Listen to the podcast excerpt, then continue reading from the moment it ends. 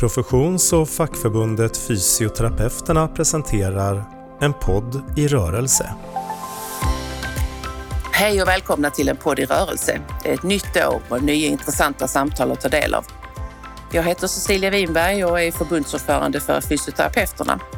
Idag ska jag prata om hälsa och ledarskap tillsammans med Carl-Johan Sundberg och Erland Colliander. Varmt välkomna! Tackar! Tack! Jag ska alldeles strax presentera lite mer. Eh, men först, hälsa och ledarskap är två viktiga områden för oss som förbund och som fysioterapeuter. Aspekter av hälsa arbetar vi med dagligen genom förebyggande och hälsofrämjande insatser men också genom rehabilitering och rehabiliterande insatser. Eh, när det gäller det förebyggande och arbetet med levnadsvanor så har vi till exempel tagit fram kunskapsstöd för professionen och för patienter och för närstående. Och vi har också varit med och tagit fram samtalsstöd för unga vuxna, barn och ungdomar, bara för att nämna något. Och hälsa är ju också en aspekt av arbetsmiljö. Det är väldigt nära sammanknutet och i arbetsmiljön och i vår arbetsvardag så har ju ledarskapet en viktig roll och relationen mellan medarbetare och chef är viktig för arbetsmiljön och därmed också för hälsan. Och det är några av de begrepp som vi ska prata mer om idag när vi ska prata med författarna till boken Chefshälsa. Och de som är författare är Carl-Johan Sundberg som är läkare och professor i arbetsfysiologi vid Karolinska institutet. Och så är det Erland Colliander som är idrottsläkare med inriktning träningsfysiologi och VD för Proformia Hälsa. Och ni är båda varmt välkomna. Mm, tack. Tack. Ni är ju båda erfarna personer så jag missar säkert någonting i presentationen av er. Är det någonting som ni känner att är viktigt att veta för vårt samtal här nu? Nej, jag tror att det kanske framkommer under, under samtalet ifall du vill lägga till någonting om olika erfarenheter, inte minst Erlands erfarenheter från arbetslivet och betydelsen av fysisk aktivitet i olika organisationer.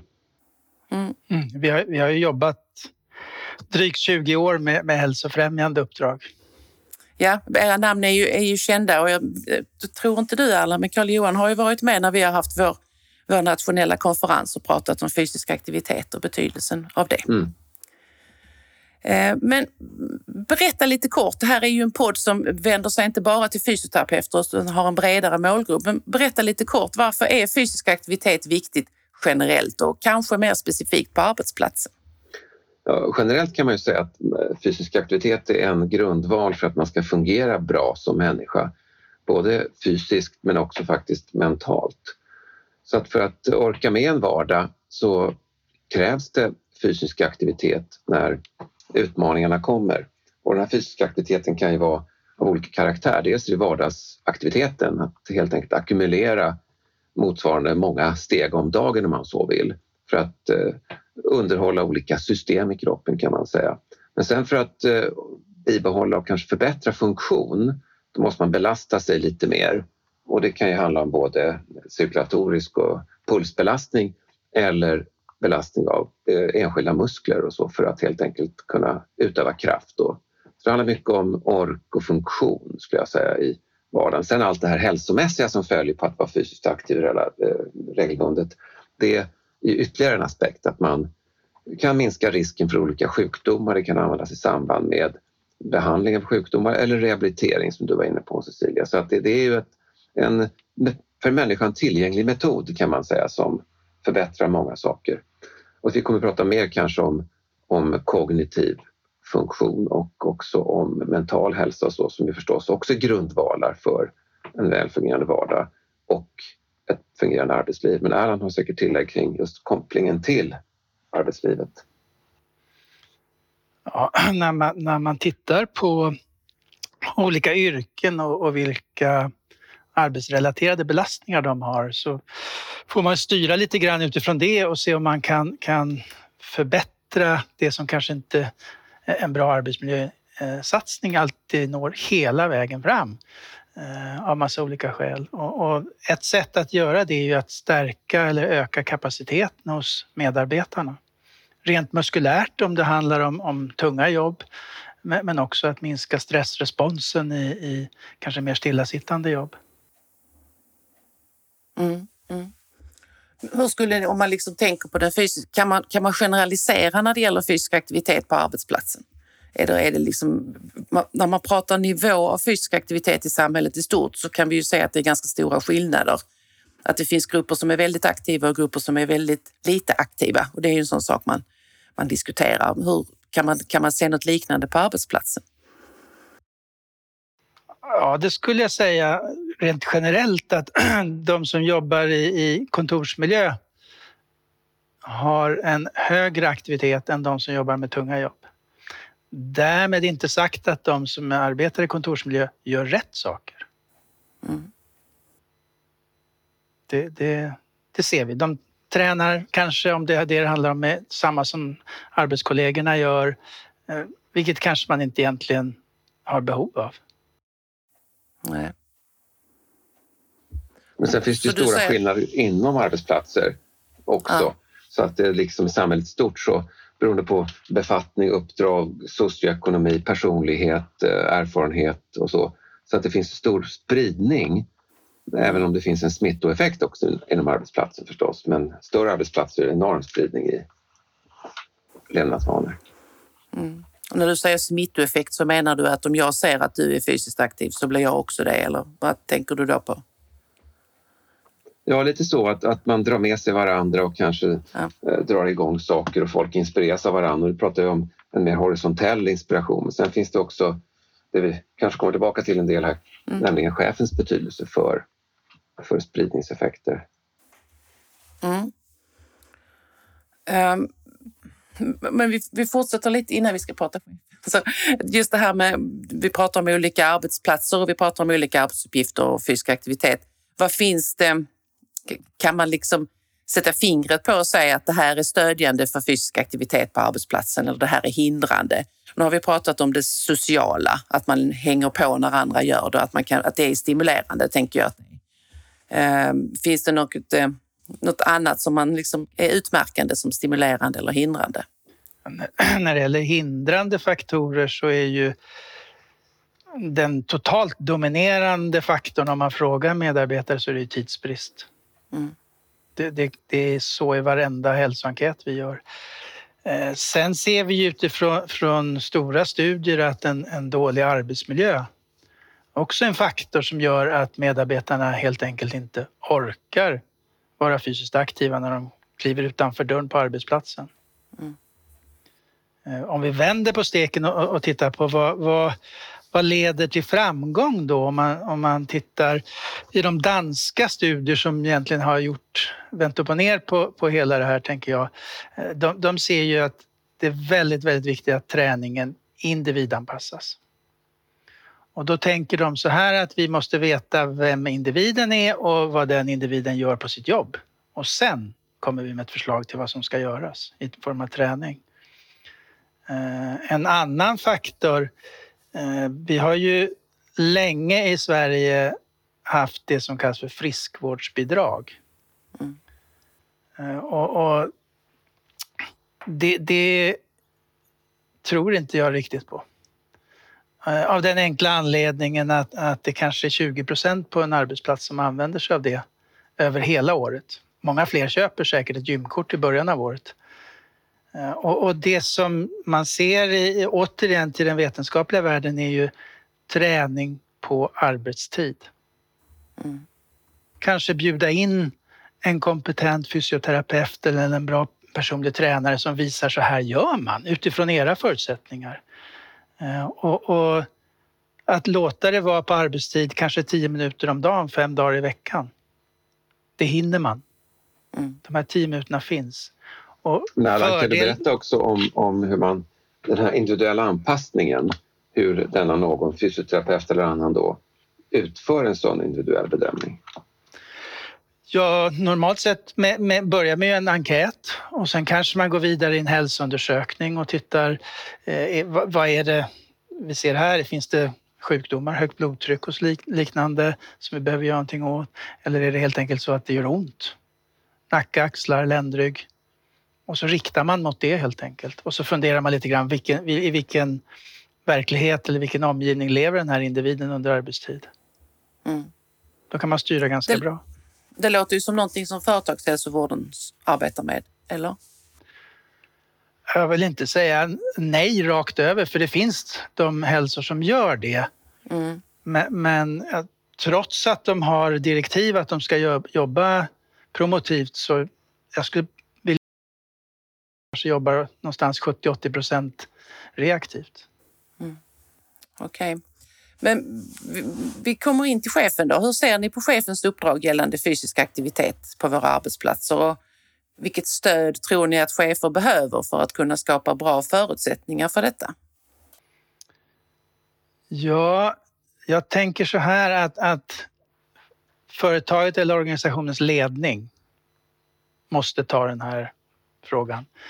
Och då går det inte att göra som man, man jag har sett allt för ofta att ledningsgruppen säger ja men nu, nu har vi 2000 kronor i friskvårdsbidrag och nu var vi klara med den punkten och tar nästa. Mm. De, måste, de måste hantera det som den viktiga fråga det är. Eh, och, och det betyder bland annat att ledningen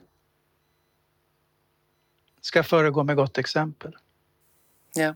Det är otroligt viktigt. Och det, det kanske man inte inser, men det är mycket viktigare än vad, vad, vad det låter. Det vill säga att de ska själva gå igång med någonting. Mm.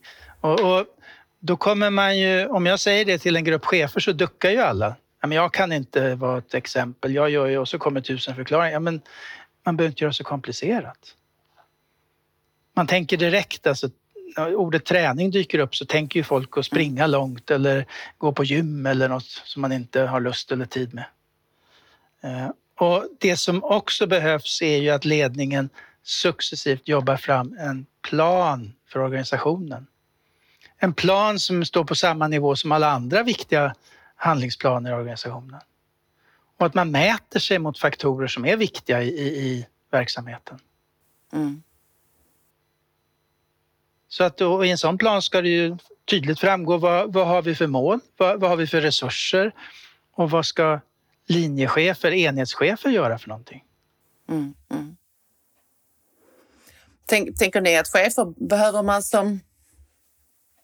Behövs det mer kunskap inom området? Vad tänker du Carl-Johan? Jo, det behövs alltid. Kunskap är en nödvändig grund kan man säga på olika plan. Men kunskap är ett brett begrepp. Men det är inte en tillräcklig grund utan det krävs också eh, beslutsfattande, att chefen eh, tar sig an det här och att styrelsen till och med, om det nu ett, finns en styrelsefunktion i ett företag eller så, lyfter upp frågor om arbetsmiljö och hälsa högst upp. Så vi gjorde en intervjustudie kring detta, inte just om fysisk aktivitet men om arbetsmiljöfrågor och så. Och det är ganska intressant att många, många företag och andra organisationer ser ju det här som en strategisk fråga. Man har inte riktigt lyft in kompetensen i styrelsen. Så att jag tror att det här kan vara också en framgångsfaktor för många framgent att faktiskt förstå att hållbarhet när det gäller arbetstagarna och medarbetarna är en avgörande framgångsfaktor. Så att jag tror det ska till och med högre upp än linjechefen. Så att mm. det blir en del inte bara av dokument utan att det är en diskussion som förs och eh, att det sker någon typ av uppföljningar och, och nya initiativ och sånt som är förankrade högst upp. Mm. Både på kanske styrelse, VD och då mellanchefsnivå förstås. För att det underlättar. Mm. Ju mer trycket kommer från olika håll och behovet kom, kanske kommer från medarbetarna och så, så blir det ju ett, eh, ett samlat grepp. Att, eh, annars kanske det bara blir hugskott. Mm. Mm. Jag tänker att man... Jag tänker att ett argument som man möter blir, inbillar jag mig, blir ju då, du, du sa det tidigare Erland, att, att personer som jobbar med alltså, tungt fysiskt arbete, att de är mindre fysiskt aktiva. Uppfattade jag det rätt? Svar ja. Ja, och sen säger Carl Johan samtidigt att det är viktigt med den fysiska aktiviteten för att bygga kapacitet för att orka. Eh, så där blir ju individanpassningen blir ju den blir ju viktig för vi har ju olika behov under vår arbetsdag och under, i vårt arbetsliv för att kunna klara av det på ett bra sätt. Verkligen.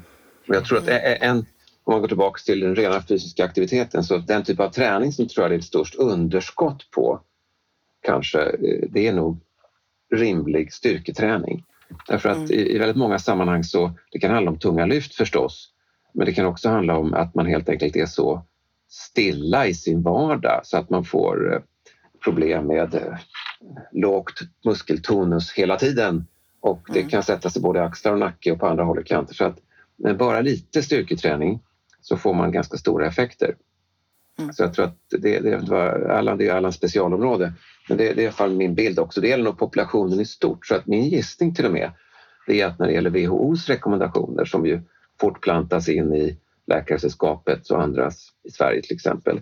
Där ju först nämns 150 till 300 minuter i veckan av aerob fysisk aktivitet på minst måttlig intensitet. Det står alltid först och sen så kommer folk inte så mm. mycket längre ner i texterna. Och så står det, och mm. två dagar i veckan ska det vara någon typ av styrketräning med kroppen som belastning eller på andra sätt och sen tredje hos äldre, balans. Jag tror att om fem eller tio år så kommer vi se åtminstone i äldre-rekommendationen att man lägger styrketräning först. Mm. bibehållande av muskelmassa med stigande ålder är avgörande för mycket av det här. Men jag tror att det också gäller faktiskt andra vuxna som inte ännu kallas äldre. Att eh, tittar man på muskelkraften i populationen så har ju den gått ner. Mm. Inte bara konditionen. Så att vi kanske släpar på lite tyngre kroppar och benmuskelstyrkan kanske inte är problemet men överkroppen som inte bär på denna börda den tycks inte vara starkare utan svagare. Och det där bidrar säkerligen till en hel del problem så att mm. kan man nämna. Mm. Ja, det är intressant. Vi pratar om cheferna att de ska gå före, att de ska vara, också vara, vara fysiskt aktiva, att det ska finnas tydlig styrning och ledning, att man ska göra det enkelt. Är det någonting mer? Är det någonting vi glömmer att prata om när det gäller chefernas uppdrag och som är viktigt för att, att få den här arbetsplatsen med en god fysisk aktivitet? Ja, eh, cheferna har ju en del ganska uppenbara kontaktytor mot sina medarbetare och de ska man utnyttja. Mm. Eh, vi lär ju cheferna att ta med en hälsodel i medarbetarsamtalet. Det för många chefer svåra i det här det är ju att, att de tänker att det är integritetskränkande. Ja. Eh, men vi brukar säga, men fråga om lov då. Och det går all, nästan alltid jättebra. Mm. Eh, och så hjälper man medarbetarna att skapa en, en egen individuell enkel handlingsplan. Vad vill jag och vad ska jag följaktligen göra för att komma dit på 3, 6 och 12 månader? Och sen lyfta in diskussionen om hälsa på olika sätt på APT-möten. Mm. Att det faktiskt är en stående punkt som återkommer vid varje tillfälle. Och, och sen ska man ju inte underskatta korridorsnacket. Hur går det nu då? Jag mm. vet ju att du håller på. Hur går det? Bara få den uppmuntran från sin chef och uppmärksamheten är jätteviktig. Ja, eller, eller kollegor också. Men chefen är liksom nyckeln någonstans. Då blir det ju snacket som du säger.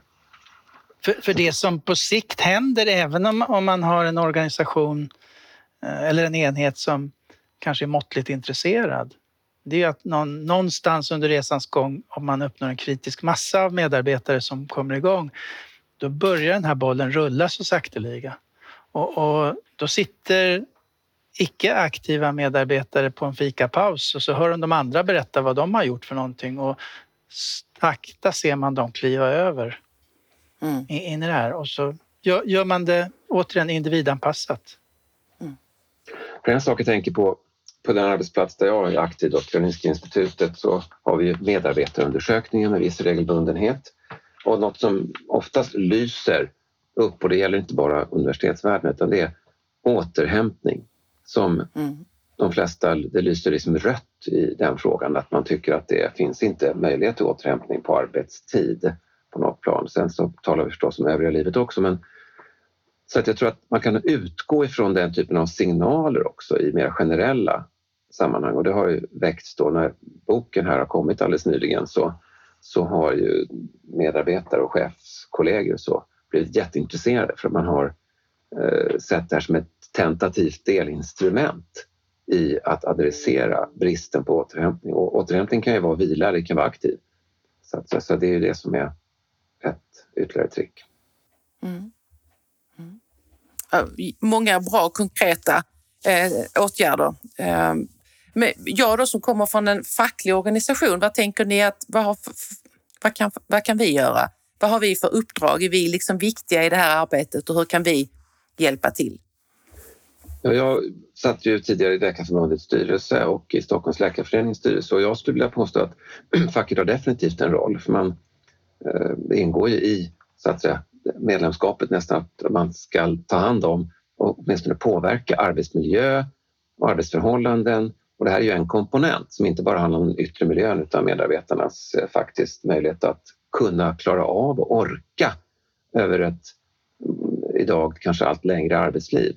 Så jag tror det är en central fråga. Så ska man ha eh, möjlighet att eh, fungera över längre tid och dessutom då vara medlem i facket en längre tid och så, så tror jag att det finns all anledning för fackliga organisationer att på ett positivt sätt engagera sig i det här. Så att det tror jag är en fråga för både individer och samhälle i stort. Att vi mm, inte mm. kroknar av onödiga skäl. Jag tänker att som lokalt facklig förtroendeval har man ju ett uppdrag att då arbetar man ju med arbetsmiljö på ett väldigt nära och handfast sätt och ofta, of, ofta också väldigt nära chefen. Eh, så då kan man ju verkligen vara en aktör i det arbetet. Och jag, jag tror att en, en, jätteviktig fråga i, i den, just den här delen av diskussionen är ju att arbetsgivaren måste inse att det går inte bara att rulla ut ett koncept som handlar om fysisk träning. Nej. Därför det kommer av väldigt många medarbetare uppfattas som att jaha, nu är det jag som ska fixa det här. Mm. Vad gör arbetsgivaren då? Mm. Utan man måste parallellt införa åtgärder som tydliga åtgärder. Nu gör vi det här på arbetsmiljösidan och så gör vi det här på levnadsvanesidan. Och tillsammans kommer det ha en, en mycket större effekt än vi tidigare sett. Mm. Det, det, och så ska man vara väldigt kommunikativ med det. Man tror ju att alla förstår, om man, men om man inte berättar det, hur ska de kunna förstå då? Mm. Nej, nej, nej, men det är ju så. Eh, men om vi, liksom, vi tycker att det här är viktigt och, men om vi liksom tänker oss, vi har pratat om beslut som behöver fattas inom organisationen och på olika nivåer. Eh, finns det andra beslut som ni tänker behöver fattas och, och kanske också vilka nivåer behöver de fattas för att medarbetare ska få bättre förutsättningar för aktivitet på arbetet? Jag, jag tänker att man, vi har varit in lite på det, man måste skapa insikt mm. och börja mm. uppifrån. Mm. Det finns tillräckligt för många ledningsgrupper som tänker att det här är bara en kostnad. De, de ser inte att det finns en intäktssida i det här någonstans. Eh, och, och om man ställer frågan till dem, varför ska ni jobba med hälsa? Då? Ja, det, många gånger blir svaret alla andra gör ju det. Då måste vi också. Det är inget mm. bra svar. De måste få en insikt i, i att att det faktiskt ger dem någonting och då brukar ju pengar vara bra. Och mm. Då finns det ju många, många som säger att ja, en investerad krona är fem i retur. Och det kanske är så. Det finns ju studier som visar det men, men i det enskilda fallet är det inte alls säkert så. Det kanske ger mycket mer till och med. Mm. Mm. Så att vad vi brukar göra är att vi hjälper ledningsgruppen genom att, att de får göra en kalkyl. Mm. De får uppskatta själva Eh, vad, vad, tror ni, efter en ganska god diskussion, att, att ni skulle kunna ha en förändring i, i, i er medarbetargrupp? Ja, då landar de kanske på 10-15 procents förbättring och så sätter vi pengar och ören på det och så blir det väldigt mycket pengar plötsligt. Mm. Och då ökar intresset. Mm. okej, okay, nu börjar vi förstå. Mm. Här borde vi göra någonting. Jag tror också att att attraktionen för olika arbetsgivare kan ju bero på många faktorer förstås. Men en sådan det är huruvida arbetsgivaren ger förutsättningar för olika saker, till exempel att man tänker på arbetstagarnas eh, välmåga, hälsa och så. Så att det, det är också signaler som jag tror är viktiga, inte bara för de som är i strukturen just nu, eh, även om de kanske då har en lägre benägenhet att möjligen byta arbetsgivare just attraktionen, att man gör någonting. Sen finns det en massa andra beslut som är av, av det som är Allan inne på, men en del mera synliga fysiskt sett. Så tar man hur, hur det har byggts om här på det här området så är det väldigt mycket mer cykelställ nu än förr. Och att man underlättar för att ta in cyklar vintertid, när folk cyklar också, i mm. så att säga, rum där de inte står på gatan och så. Så att det är såna här saker som underlättar aktiv transport det är visserligen inte på arbetet, men det är till och från och så. Så mm. det är en annan delkomponent. Men fortsätt du Ellen. Det gjordes ju en, en förhållandevis klassisk undersökning när man frågade medarbetare som hade kommit igång. Eh, det här var uppe i, i Gävletrakten och så frågar man, ja men nu har ju du kommit igång och cykla till och från jobbet därför att din arbetsgivare har gett dig lite cykelutrustning, hjälmar kanske och så vidare. Och så frågar man ett år senare de som fortsatte att cykla. Mm. Varför cyklar du för? Det är, du spar ju tid, eller hur? Ja, men det gör ju så himla gott här inne. Och så pekar man mm. liksom på kroppen. Och det, det gäller att komma över den där tröskeln. Mm. Och det mm. kan ju verkligen en arbetsgivare göra. Mm. Jag tänker på, jag har i dagarna läst, eh, SKR kommer med en rapport om kompetensförsörjning precis innan jul tror jag det var, eller nu jultid. Och då handlar det om välfärd. Och där håller man på, det, det kommer att vara en brist på medarbetare i välfärden och då laborerar man i den här rapporten med om medarbetare jobbar en timme mer eller två timmar mer och om vi jobbar längre, hur det kommer att påverka behovet av ny arbetskraft. Så det blir också en, det är ju en ekonomisk vinst men och en personell vinst. Mm. Eh, att, att jobba med goda förutsättningar för fysisk aktivitet på arbetsplatsen. Nu skriver inte de om fysisk aktivitet i sin rapport, men eh, jag gör den kopplingen när jag pratar med er. Jag med. De skriver när, man läste, när man läste om detta så tänkte jag direkt på, och det här handlar mycket om att man ska orka med det här över längre mm. tid. Och även klara kanske jobba tre timmar fler i veckan som de lyfter fram som mm. exempel. Skulle medarbetare vilja och orka det så skulle det vara, lösa en del av den tentativa personalbristen. Mm. Mm. Och då kan man ge dem förutsättningar till det, bland annat mm. genom fysisk aktivitet. Tänker jag. Mm.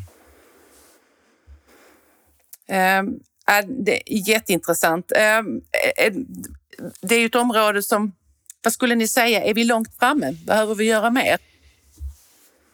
Ja. Det behöver vi väl alltid i och för sig, men... Det, ja, definitivt och framförallt kanske verksamheter, Erland får fylla på, men verksamheter som, som har de här personalförsörjningsbehoven nu och framför sig. Så att det är där man måste vara offensiv och kanske inte är det till fullo. Så att jag tror det finns extremt mycket att hämta hem i inte minst då offentligt finansierad verksamhet som är vård och omsorg och så. Men det mm. gäller ju också andra. Det kommer ju bli ett jättegap. Tänk, tänk när våra ungdomar kliver in och ska ta de här tunga jobben. Mm. Ungdomar som har tillbringat sin, sin barndom framför en skärm mm. många gånger. Det, jag ser ju att det kommer bli ännu större problem än vad det mm. redan är. Mm. Därför man förstår inte kopplingen mellan eh, till exempel, jag har ont i ryggen. Och så kommer medarbetaren går till chefen och säger fixa det. Mm. Man ser inte att man själv har ett ansvar i det här. Så att, så att här, här, definitivt, här måste göras någonting inom vård och omsorgssektorn. Mm. Det är enorma behov. Mm, mm, mm. Nu har ni precis kommit ut med den här boken Chefshälsa. Tänker ni, är det, är det ett område som ni kommer fortsätta arbeta med eller bedriva forskning kring? Hur tänker ni kring framtiden där? På olika sätt definitivt. Och sen är frågan om hur reaktionen på boken blir och vi märker ju av ganska starkt intresse. Men det kanske också gör att man funderar på att framgent, om vi nu uppfattar att det finns ytterligare konkretion som behövs, att man skriver en bok till. Men där är vi verkligen inte än utan vi vill först känna av vad mm. behoven ser ut att vara där ute.